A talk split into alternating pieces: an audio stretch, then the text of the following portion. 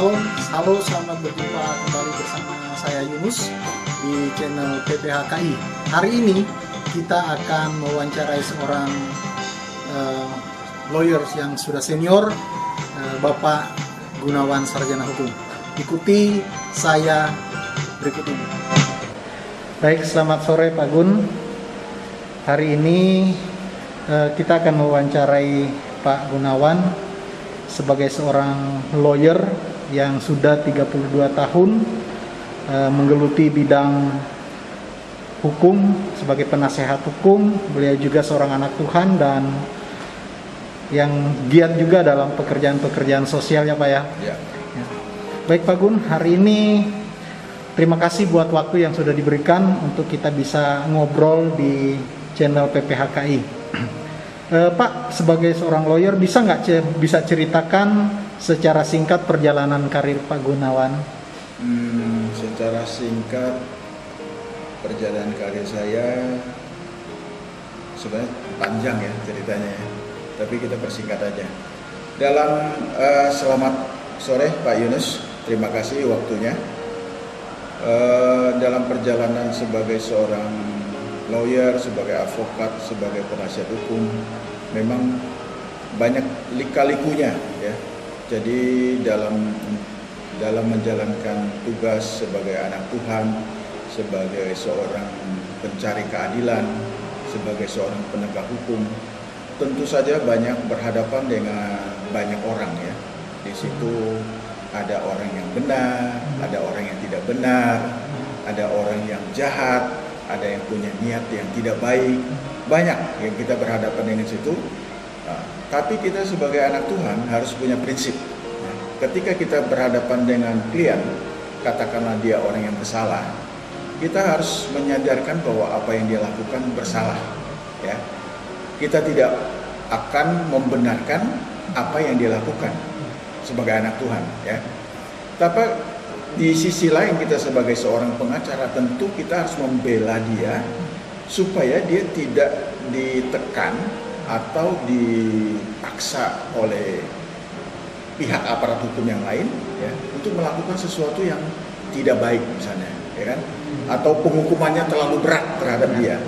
Nah, peran kita sebagai seorang pengacara di situ kita akan membela kepentingan klien kita untuk meringankan ya hukuman yang diberikan yang dituntut oleh jaksa. Ya. Sebagai seorang anak Tuhan, sisinya lain. Kita memberikan pencara, pencerahan kepada klien kita supaya lain kali jangan melakukan hal-hal yang bertentangan dengan hukum. Nah itu yang kita lakukan. Baik Pak, uh, kembali lagi ke apa perjalanan karir Bapak nih. Hmm. Setelah lulus sarjana hukum, apakah Bapak langsung uh, pasti ngikutin PKPA dulu ya Pak ya. Yeah. Nah, setelah itu apakah langsung berpraktek atau bagaimana? Saya lulusan tahun 86 ya. Uh-huh. Tahun 86 ketika lulus memang kita tidak langsung terjun ke dunia uh, advokat enggak. Karena kan ada masanya kan. Yeah. Jadi pada waktu itu saya bekerja di salah satu perusahaan farmasi dan memegang bidang hukumnya. Oh. Nah, di situ kebetulan perusahaan farmasi itu banyak masalah hukum. Jadi di situ saya bertemu banyak uh, advokat-advokat yang senior. Dari situ saya banyak belajar, kemudian banyak ketemu dan belajar dengan beliau-beliau itu. Kemudian kira-kira kurang lebih tiga tahun, kemudian kita terjun pada law firm uh, yang saya kenal dengan mereka-mereka itu. Wow luar biasa. Ya. Soalnya Pak kan ada orang kadang-kala jadi bingung bahkan sudah beberapa tahun ah, belum bingung masih bingung untuk ya, jadi ya. lawyer. Mau jadi lawyer? Ya, mau bagaimana lawyer. caranya? Iya betul. betul. Oke Pak, e, dalam perjalanan karir Bapak itu e, pasti pernah nggak berhadapan dengan orang-orang yang perkaranya itu e, bertentangan dengan hati nurani kita nih. Hmm. Apalagi kita sebagai anak Tuhan kan kadang-kadang misalnya orang bawa kasus perceraian misalnya, yeah. misalnya contohnya yeah. kan sementara di firman Tuhan itu perceraian itu dilarang nah pernah nggak bapak berhadapan dengan kasus-kasus yang seperti itu uh, kalau saya pernah ya pernah. berhadapan kayak kasus perceraian itu kan hmm. satu sisi firman Tuhan menyatakan nggak boleh bercerai hmm. Tapi sisi lain uh, mereka sudah nggak bisa dipersatukan lagi, ya kan? Jadi bagaimana caranya? Kalau misalnya uh, kedua belah pihak ini tidak menyangkut masalah jiwa, nyawa, ya. Misalnya ada ancaman untuk dibunuh, bahwa situasi dan kondisinya sudah sangat uh, membahayakan pada pihak yang mengajukan perceraian, nah itu kita tolak, ya. Pada prinsipnya kita tolak semua. Tapi ada sisi lain kalau salah satu pihak ketika sudah ancaman terhadap nyawanya, nah saya dalam hal ini saya berdoa keras itu, apakah uh, harus uh, membantu atau tidak? Ya, ya, ya. Nah itu itu kita bergumul itu. Ya. Ada satu kasus yang kira-kira yang berkaitan dengan perceraian juga. Saya pada prinsipnya tidak mau terima perkara perceraian, karena itu bertentangan dengan firman Tuhan. Tapi ketika ancaman sangat membahayakan atau misalnya ada sakit kejiwaan misalnya terhadap calon uh, terhadap istri atau suami yang bersangkutan. Ah di situ saya akan mengambil langkah dan saya akan membantu untuk maju ke pengadilan dan diurus supaya bisa cerai. Karena situasi kondisi yang menurut saya perlu dibantu. Kalau dibiarkan, kalau terjadi pembunuhan sangat disesalkan. Yeah. Nah ini ini yang saya lakukan. Tapi kalau sifatnya yang umum hanya percecokan, perselisihan yang uh, sangat remeh atau masalah ekonomi gitu, umpamanya ya, nah, itu kita nggak terima, kita tolak. Jadi tergantung situasinya ya situasinya, Pak ya, yang yang terjadi. Pokoknya uh, kalau kasus perceraian itu ada ancaman terhadap uh, kehidupan, ya, salah satu pihak bisa istri atau suami, dan ada sakit jiwa misalnya orang itu bisa ancaman yang berbahaya terhadap salah satu pihak, bisa istri atau suaminya itu, nah kita menurut saya harus kita lakukan sesuatu, jangan dibiarkan. Iya, iya. Ya. Iya. Oh menarik sekali ini ya. Pak Gun, menarik sekali. Uh, terus gini Pak Gun, uh, bagaimana Bapak melihat proses hukum di Indonesia ini? Apakah sudah sudah berjalan dengan baik atau bagaimana Pak? Uh, secara umum, kalau kasus-kasus yang menarik perhatian umum ya. Itu dari pihak penegak hukum aparat kepolisian menurut saya sudah sangat bagus ya. Tapi kan masalahnya perkara itu bukan hanya perkara yang yang e, menjadi perhatian umum saja. Ya. banyak masyarakat yang punya masalah hukum yang menurut saya sampai saat ini masih belum e, maksimal dilakukan oleh aparat penegak hukum Contohnya masalah HAM ya Pak yang belum selesai sampai hari ini ya. Ah, masalah HAM sampai hari ini belum selesai. Banyak pencari keadilan. Ya, ya. Ketika ada masalah dengan pihak kepolisian, lapor di pihak kepolisian memakan waktu yang sangat panjang, biaya yang sangat besar dan tidak tahu ujungnya. Hmm. Nah, ini yang kita lihat. Tapi kita bersyukur punya uh, seorang presiden ya, hmm. Presiden Jokowi yang menurut saya cukup konsisten ya untuk uh, melihat sesuatu yang terjadi di masyarakat dan dia mengambil langkah, memberikan perintah kepada aparat hukum mengambil satu langkah-langkah yang cepat dan tepat. Nah ini ada sisi yang harapan ya, ya buat para pencari keadilan. Ya. Baik, uh, sebagai seorang lawyer yang senior pak ya, pasti ada prinsip dalam uh, bekerja bahkan harus yang harus diikuti oleh para uh, rekan mitra kerjanya ya Pak ya. ya. Nah, kira-kira Pak Gunawan uh, apa yang menjadi prinsip atau moto dari kerja Bapak? Uh, prinsip atau moto kita adalah uh, yang benar adalah benar ya. Jadi yang benar jangan gara-gara mungkin membayar kita besar kita menyatakan bahwa dia tidak benar uh, yang yang tidak benar menjadi benar gitu. Nah itu jangan. Kalau yang benar tetap benar, salah tetap salah. Jangan yang salah dibenarkan, ya, yang benar disalahkan. Nah itu prinsip itu. Ya, ya, Gak boleh terjadi pada anak-anak Tuhan, ya. advokat atau pencari keadilan atau penegak hukum yang menjunjung tinggi nilai-nilai kekristenan uh, kita gitu loh. Kalau itu dilakukan waduh sangat fatal sekali. Iya. Iya. Jadi bukan hanya di dunia tapi di akhirat ya Pak ya. Ya, di dunia akhirat juga ya. Oh ya Pak Gunawan sebagai wakil sekjen PPHKI eh, apa harapan Pak Gunawan untuk PPH, PPHKI ke depan Pak? Saya berharap eh, berharap PPHKI ke depan itu memberikan dampak yang besar ya terhadap eh, bangsa dan negara kita. Dan di bawah kepemimpinan Bang Frederick ya, saya lihat sudah mulai menunjukkan titik-titik terang dan sudah arah mulai progres ya organisasi ini sehingga memang organisasi ini bisa membantu banyak orang ya. terutama bagi mereka pencari keadilan yang tidak punya kemampuan yang terkena atau jadi korban dalam penegakan hukum ya. Misalnya ada masalah trafficking human trafficking di Palu misalnya. Nah sekarang beberapa hari yang lalu ketua umum kita berangkat ke Palu. Ini luar biasa. Dan mencari investigasi mencari tahu eh, persoalannya manusia-manusia hilang itu sudah ke mana menghadap para aparat hukum ya. Kepada pihak militer juga kepada pihak kepolisian dan begitu aktif ya untuk mencari supaya uh, perkara ini menjadi terang apa sih yang terjadi dengan orang-orang yang hilang ini di Palu. Nah, ini saya lihat eh, PPHKI bisa banyak melakukan uh, hal ya di dalam pen, uh, dalam mencari keadilan ya. Oke, okay. ya. Uh, Rekan-rekan Pak Gunawan ini selain sebagai seorang lawyer, juga sebagai seorang pengusaha, beliau juga sebagai orang yang pemerhati dalam bidang pendidikan.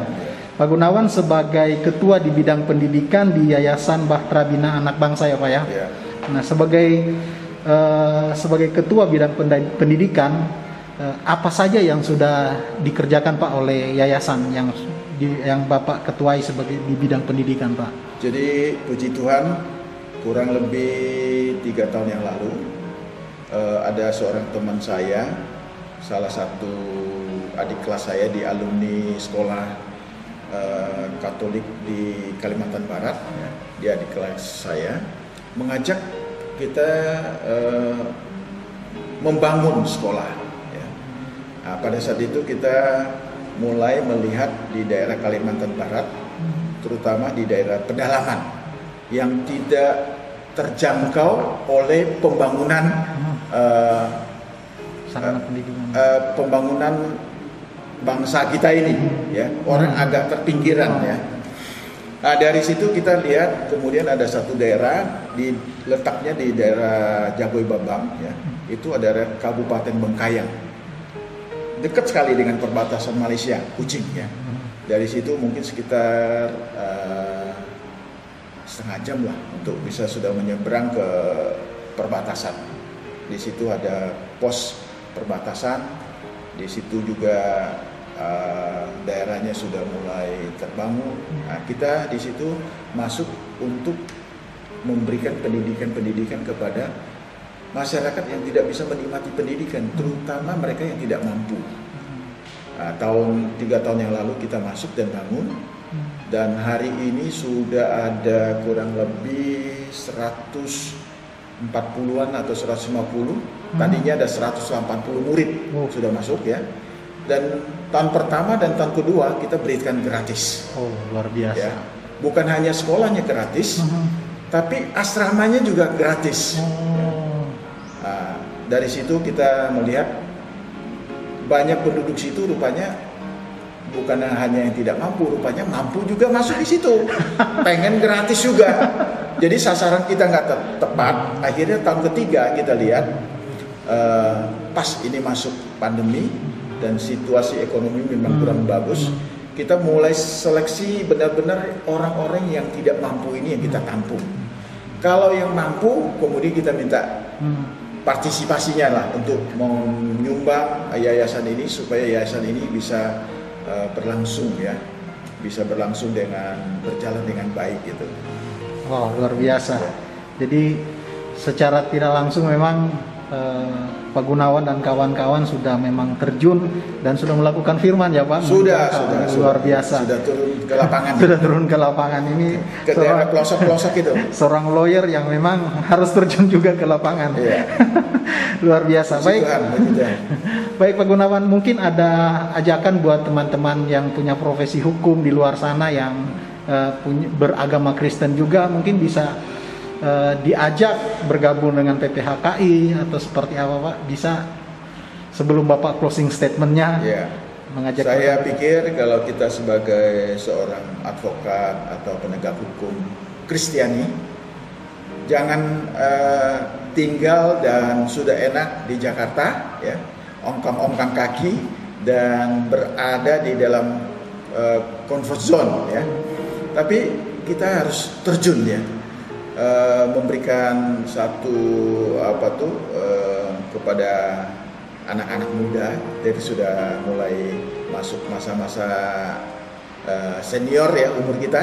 Jadi kita memberikan contoh lah kepada anak-anak muda supaya di samping kita menjalankan eh, sebagai seorang lawyer sebagai tapi kita sisi sisi lain juga sebagai seorang hamba Tuhan sebagai pelayan Tuhan nah, kita harus melakukan sesuatu eh, kepada banyak orang yang hidupnya yang belum eh, menikmati ya atau menikmati pembangunan yang sedang kita eh, nikmati sekarang ini.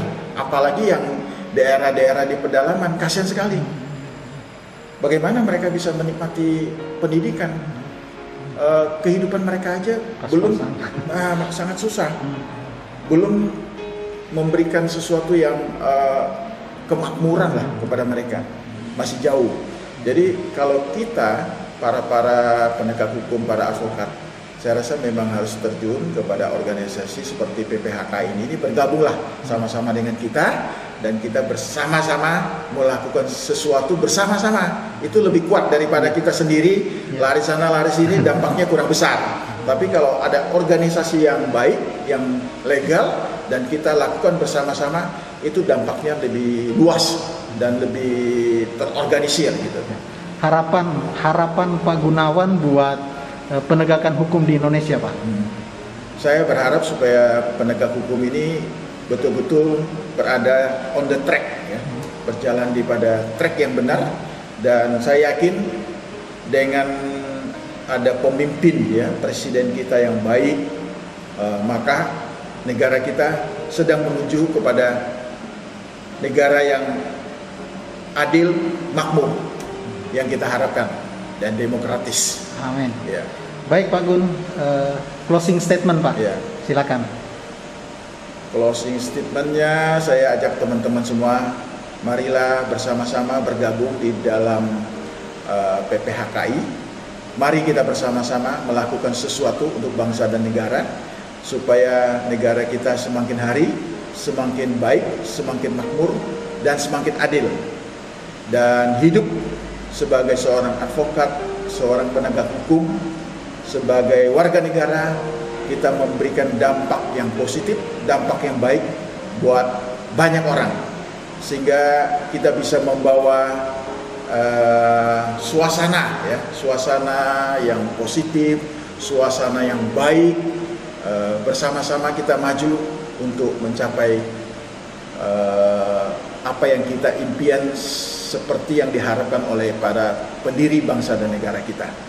Baik Pak Gun, terima kasih untuk waktunya, terima kasih untuk statement-statementnya, bahkan eh, segala sesuatu yang sangat berguna untuk dibagikan ke masyarakat. Tuhan berkati Pak Gun. Tuhan berkati Pak Yunus, terima kasih. Shalom. Shalom.